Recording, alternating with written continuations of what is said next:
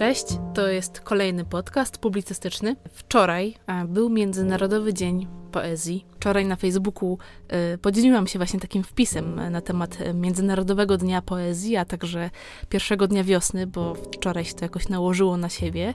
No i właśnie, tak jak, tak jak pisałam, ja w ogóle myślę, że poezja ma w sobie coś z wiosny, właśnie z tego przeżywania czegoś na świeżo, po raz pierwszy. Tak jak na przykład wychodzimy czujemy wiosnę, nie? I czujemy ten pierwszy zapach wiosny, albo na przykład y, jest lato i idziemy na deszcz, ten taki ciepły deszcz letni, y, który nam nie przeszkadza, ponieważ jest nam gorąco i ten deszcz jest przyjemny i nie uciekamy od niego.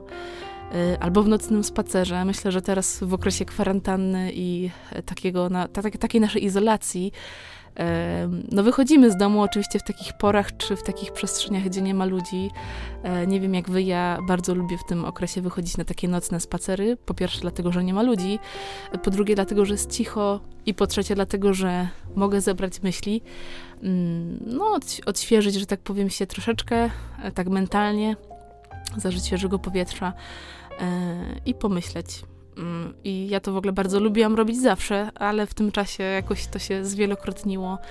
E, I tak sobie pomyślałam o tej poezji właśnie, że e, no, sprzyja to takim różnym przemyśleniom, kontemplacji w ogóle tej poezji. E, oczywiście zdaję sobie sprawę, że nie każdy lubi poezję i ten gatunek literacki. Ja bez niego chyba nie mogę żyć. Towarzyszył mi od najmłodszych lat. Zaczytywałam się w różnych poetach. Sama też pisałam i piszę nadal wiersze. E, za bardzo ich nie publikowałam, może to i dobrze. Poezja. Nie wiem, co o tym myślicie w ogóle. Czy wy macie jakichś swoich ulubionych poetów? Mm, ale ja tak sobie myślę, że to jest taki gatunek literacki, poezja, który trochę nie ma zasad i przez to jest wolny w swojej formie. I dlatego na przykład y, moim zdaniem poezja ma nam wiele do, do zaoferowania. Takie miałam doświadczenie czytania wierszy i takiego, takiej refleksji po tych wierszach, że właśnie na przykład wiersze nazywają uczucia, albo zjawiska, albo rzeczy, które są y, dotąd nienazywalne. Właśnie poprzez te metafory i poprzez to, że troszeczkę czujemy to, co czuje autor, wyrażając tą poezję. I dla mnie to jest niesamowite, ponieważ nie odnalazłam tego w innych y, gatunkach literackich. Pomijając w ogóle kwestię interpretacji wierszy, y, które jest czymś cudownym.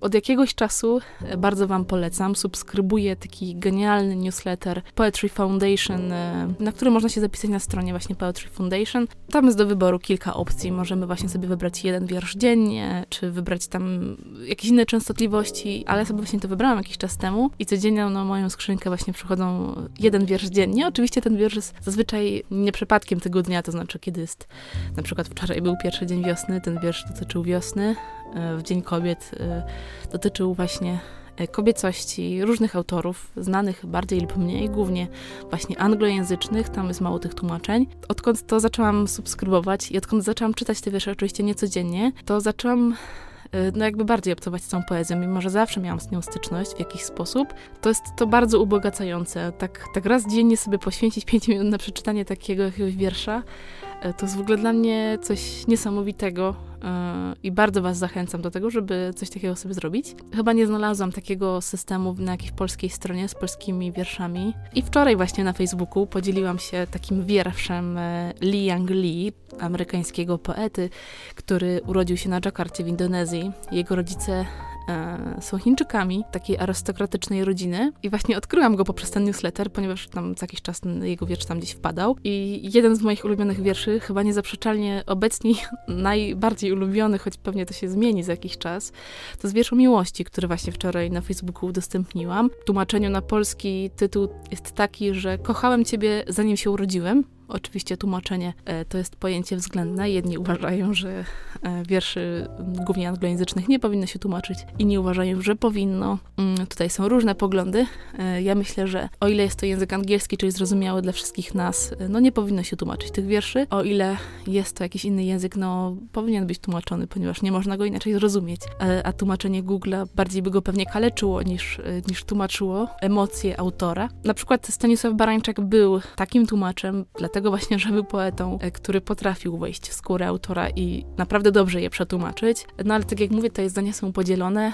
W tym właśnie filmie Patterson, o którym chyba kilka razy gdzieś tam wspominałam, mm, film genialny, oczywiście polecam. Jest taka scena, w której właśnie ten główny bohater, ten kierowca autobusu, spotyka na ławce takiego anonimowego japońskiego poetę, który właśnie mu mówi, że on swoich wierszy nie tłumaczy, ponieważ y, według niego tłumaczenie wierszy to jest tak jak właśnie kąpiel w płaszczu przeciwdeszczowym. W ogóle film jest genialny, bo pokazuje to, że ten główny bohater nie był jakimś nie wiadomo jakim poetą, on po prostu zwykłym człowiekiem, miał żonę, psa, y, był kierowcą autobusu i codziennie pisał wiersze.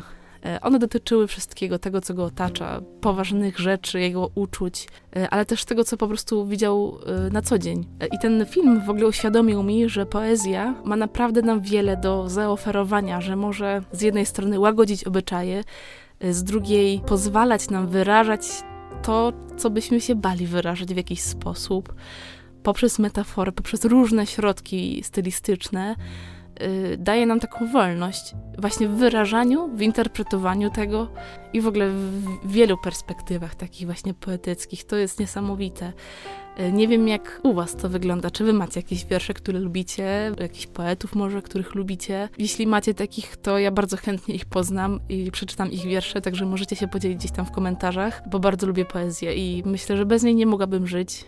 Od małego w ogóle czytałam wiersze, też nie zdając sobie sprawy do końca z tego, że tak duży wpływ na mnie wywierają. No i te, pewnie dlatego że sama je zaczęłam pisać kiedyś tam i nadal to robię. Ale to tak teraz bardziej dla siebie to robię. Mm, pokazuję je tylko najbliższym znajomym. Może kiedyś się, kiedyś się na to może zbiorę, żeby je opublikować w jakimś tomie. Nie wiem. Na razie sytuacja jest utrudniona w wielu kwestiach z wiadomych przyczyn, ale zachęcam Was do tego żeby się dzielić wierszami. Mimo, że Międzynarodowy Dzień Poezji już minął, ale zachęcam do tego, żeby się dzielić swoimi wierszami, swoimi ulubionymi poetami. E, szczególnie gdzieś tam w komentarzach pod e, linkiem do tego podcastu, ponieważ bardzo chętnie je przeczytam po prostu i się zapoznam, ponieważ tutaj nie ma żadnych ograniczeń e, i to jest wspaniałe. Także zachęcam Was do tego. Ja kończę podcast, uciekam do pracy. Do usłyszenia. I mam nadzieję, że kiedyś, kiedyś do zobaczenia, może na jakimś takim spotkaniu autorskim. Y, kto wie, może to się stanie. Cześć.